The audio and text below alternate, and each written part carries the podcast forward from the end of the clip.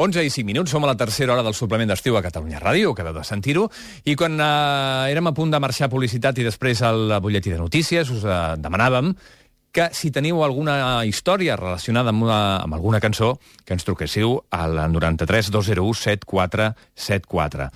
Us ho torno a demanar.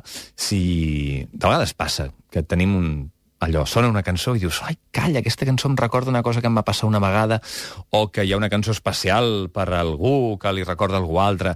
Bé, si teniu ganes d'explicar-ho, podeu fer-ho al 93 201 7474. Hem anat al carrer i també hem preguntat a la gent que ens expliqui la seva cançó i la seva història.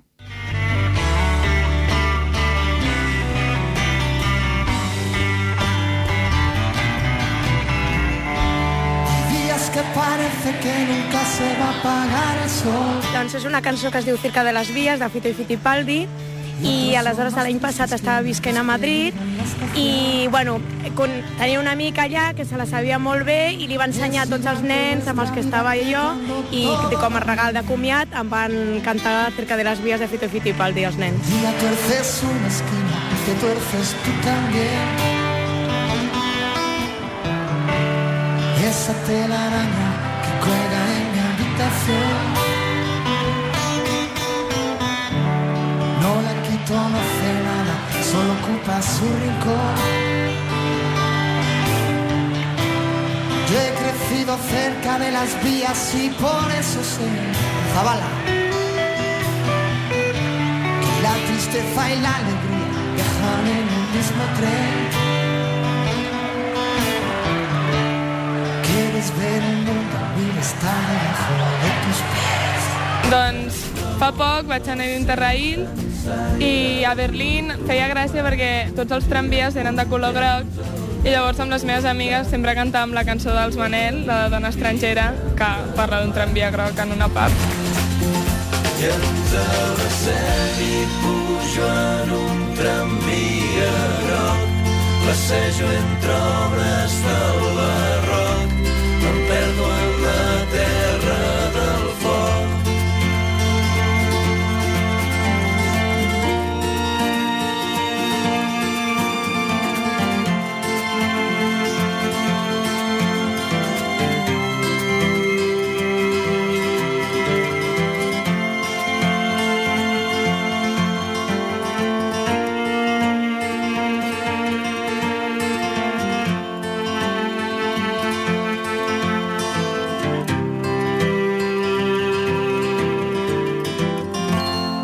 Catalunya Ràdio, el suplement d'estiu.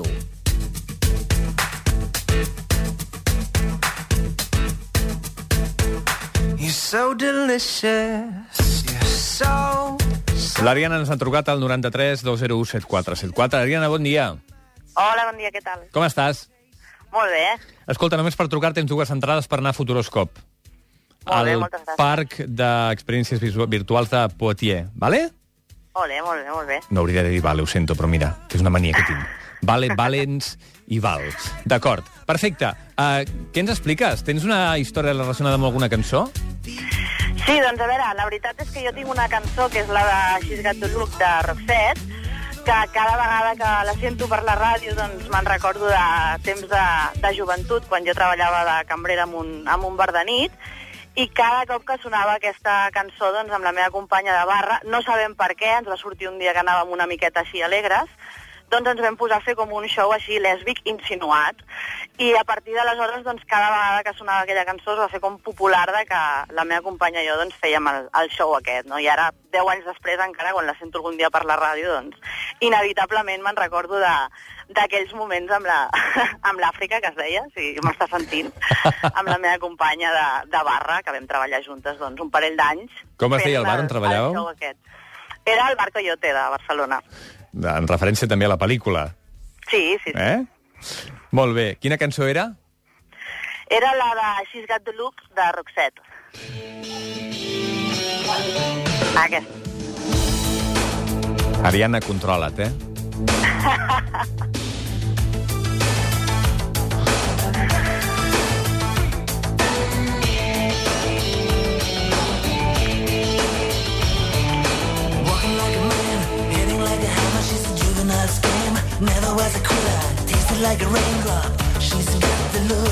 Bé, ens estem imaginant tots eh, l'escena que ens ha descrit l'Ariana. Ariana, moltíssimes gràcies. A vosaltres. Una abraçada, que vagi molt bé. 932017474, una cançó, una història.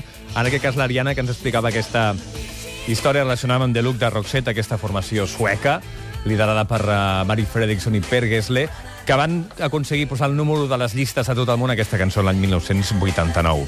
Al 93 201 7474 hi ha també l'Òscar. Bon dia, Òscar. Hola, bon dia. Com estàs? Bé, aquí, una mica tapadet avui, avui, res, toca estar a casa sentint la ràdio. Molt bé, així m'agrada. I quan s'acabi la ràdio? Quan s'acabi la ràdio veurem si ha sortit el sol i ens anirem a banyar un ratet. Molt bé. Potser diumenge és el que toca. Què ens expliques? Doncs mira, jo hi ha una cançó que és de l'any 73, de fa una porrada ja de temps, que es diu... A veure, clar, jo en aquella època li, el nom no me'l recordo massa, què li deia, però es diu 48 Crash, o sigui, 48 Crash, i és de la Susi 4. Mm -hmm. Clar, jo vaig néixer al 72, o sigui, aquesta cançó gairebé em va acompanyar tota la meva infància. I jo l'anècdota que tinc és que recordo pues, que, clar, és una cançó que era així com molt rockera per ser l'any 73, i recordo la portada del disc, que era la noia aquesta, la Susi 4, que anava vestida així tot amb cuiro, amb el cabell llarg i tal, i clar, jo tenia, potser quan l'escoltava, doncs jo devia tenir cinc anyets o, o així, perquè el disco portava anys per allà a casa, però clar, jo recordo, hosti, aquest disco ha de ser, és dur, això és dur, saps? Era com heavy, era algo com, no, no, no prohibit, però era dir, quan escolti això ja veuràs, vindrà el dimoni i s'ho endurà. I recordo posar-la i fer allò que fan tots els nens, de fer veure que toques la guitarra, allò, rascant el malic i fent ué, ué, i saltant del llit i brincant com si fos la gran, la gran cançó. I, bueno, ara ja tinc 40 i pico i encara quan l'escolto, doncs encara faig veure que toco la guitarra, perquè aprendre la guitarra no l'he pres a tocar mai. Molt bé, doncs aquí va 48 Crash de Susi 4. Molt bé, doncs moltes gràcies. Salta, salta! Aquest.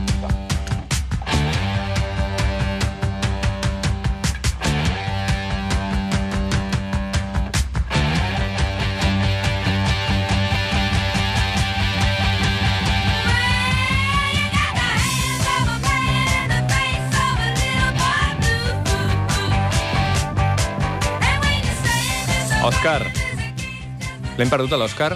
Bé, eh, com que sé que està sentint la ràdio, per tu dues entrades pels parcs aquàtics Aquadiver de Platja d'Aro o el Waterworld de Lloret de Mar.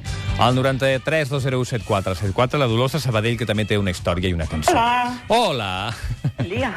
Bon dia, què tal? Mira, aquí escoltant-vos a vosaltres i mirant una mica la natació. També anar passant el temps. Ai, que sí, jo també estic fent el mateix. M'estic escoltant a mi mateix i a tu, i estic veient la natació per la tele, també. A veure si tindrem sort. Que La sincro. Noia, de moment ja tenim una... Bueno, ja tenim, nosaltres no tenim res. L'Ona Carbonell ja té una medalla de bronze. De, sí, però esperem que la tingui més bona avui, no? Jo crec que sí. Jo crec que sí. Dolors, què ens expliques? T'explicaré. Jo em vaig passar a l'any 1949, Sí?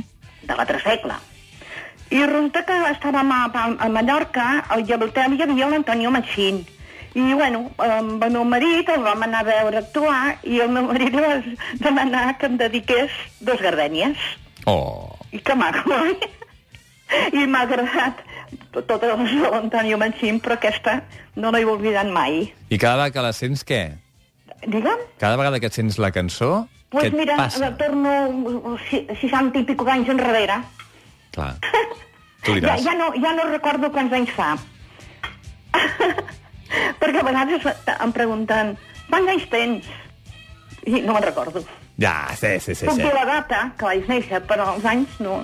No ho sé, no em pesen encara. Dolors, moltíssimes gràcies. Uh, no la sentirem una mica? I tant, ara te la posaré. I tant. Um, si ve de gust, tens dues entrades per anar a veure per anar al Parc Futuroscop. A, a? Barcelona? O És a, és a Poitiers, a És França. codoneria la meva neta. Perfecte, i tant, com tu vulguis. Doncs com ho hem de fer? Bueno, ja m'ho direu. Ara t'ho direm, no et preocupis. Gràcies. Aquí tens a l'Antoni Machín amb dos gardenies. Gràcies. porque son tu corazón y el mío. Dos gardenias para ti que tendrán todo el calor de un beso, esos besos que te di y que jamás encontrarás en el calor de otro querer. Veus la Dolors que ens explicava que un dia entraven a l'hotel, van trobar l'Antonio Machín, el van veure actuar i el seu marit li va demanar a l'Antonio Machín que li dediqués aquesta cançó a la Dolors, i així ho va fer. I ara, cada cop que la sent, ara que han passat més de 60 anys, encara se'n recorda de tota aquella història. Joan, Cornellà, bon dia. Hola, bon dia. Digues. Mira, la meva història va amb una cançó que es diu Manuela, que és una cançó italiana que va estrenar el Claudio Vila, Mm. i que resulta que la lletra original italiana eh, sempre diu la vella catalana, la vella de Barcelona, Mhm. o la guapa catalana, la guapa de Barcelona. Ara, exactament, la, la, la lletra italiana no me'n recordo exactament, però Barcelona i Catalunya s'entén perfectament, eh? Doncs bé, resulta que jo, com que per cosa sentimental la meva mare es deia Manel, en pau descansi, de llavors eh, volia la versió, diguem-ne, feta aquí, que jo sabia que no trigaríem a arribar per a algun dels nostres crooners, com, com tal, així va ser que va arribar la del Josep Guardiola, que és el crooner dels crooners.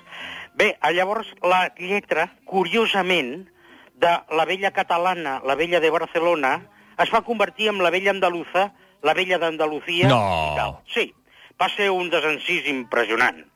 Llavors jo, com a col·laborador de Ràdio Molins de Rei que sóc, vaig poder entrevistar el Josep Guardiola ara fa uns quants anys, bastant amb uns 3, 4, 5 anys abans de morir.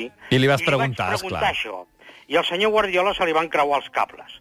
perquè, a més a més, ni recordava la cançó, perquè em va dir que era d'un compositor andalús i que per això li havia posat aquesta lletra. Mentida, és d'uns compositors uh, italians.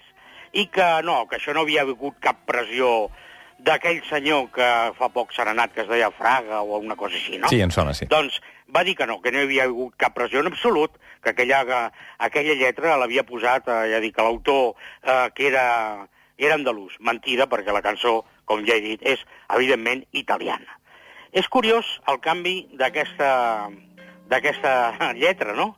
De Barcelona i Catalunya, Andalusia i, i para de comptar. És curiós, com a mínim és curiós. És el que passava en aquella època. Jo dic, tinc les dues versions, eh, això ho he comentat a Ràdio Molins de Rei, i tothom se n'ha fet creus de com es podia manipular una lletra d'aquesta manera. Joan, moltíssimes gràcies. De res. Per tu, dues entrades pels parcs aquàtics a Aquadiver de Platja d'Aro o Waterworld de Lloret de Mar. Moltes Gràcies. gràcies. Bon dia. Bon dia.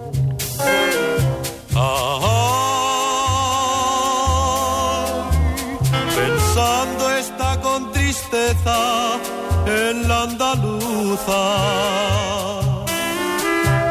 y llora con su guitarra al claro de luna. Manuela, Manuela. En tu casa mora te encuentras tú siempre tan sola, tú sola, Manuela. Responde a mi pena tan solo. Última trucada, Plàcid, bon dia. Bon dia. Què ens expliques? Tens una història i Ah, una veure, cançó? Va, va una mica també per aquí, per, per la cosa de la censura i tal. Mira, eh, jo ja tinc de cara als 60 anys i mm, als anys 70 i pico va sortir GTM, GTM en un plus. Sí? Aquí a la sèrie hi havia, hi havia una discoteca, que bueno, a veure, també fa uns anys que la van tancar, però va, va aguantar molt, que es deia Risol. Hi havia, hi havia unes escaletes que, que et baixava baix a, a la pista, i quan posaven aquesta cançó, eh, aquesta cançó, sí, eh, no sé si ho sabeu, però va estar, va estar prohibida. No només aquí, a, a Espanya. No m'estranya, eh? Perquè prohibien coses me molt més mm, simples i innocents. Sí, sí, és una mica paregut com el, el, el, el oient que, que ha dit ara de, de, de Josep Guardiola. Però bueno, pues esta cançó que tem, que te un bueno, claro, és una mica, a veure, és, és una miqueta S, el que diríem S, no? I nosaltres, sí, Ets gran, eh? Quan, quan fas servir la paraula S per definir una cosa- pujadeta de to, ja veiem que tenim una edat, eh? Correcte, bueno, bueno pues, eh, esta cançó, eh, quan la ballàvem, quan la ballàvem a la pista de, de, la, de la discoteca Risol, eh, les, parelles, les, les parelles que la ballàvem eh, llavors, eh, ja, ja ho sabíem, i mm, hi havia murmullo, i, i hi havia murmullo de quan anava aquesta cançó i estàvem pendents si s'obria la porteta de, de la discoteca i llavors hi baixava la Guàrdia Civil, perquè de per un quan baixaven. Home, clar. Això és real, eh? això és real, eh? Això és real. Eh, això és una evidència.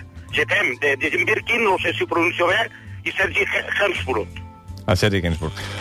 El Sergi Gainsbourg i la Jane Birkin. Plàcid, moltíssimes gràcies. Eh, a la 3. Tens un premi també, moltíssimes gràcies. Bon dia. Hola, adeu, adeu. Adéu.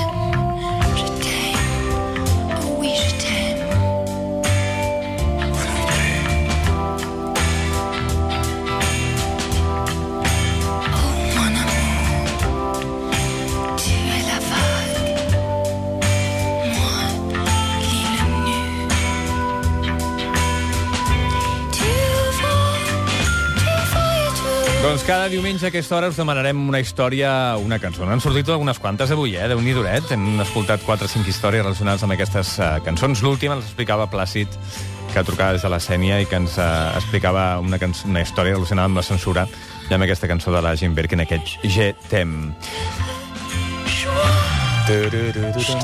Ah, que no puc cantar, és veritat.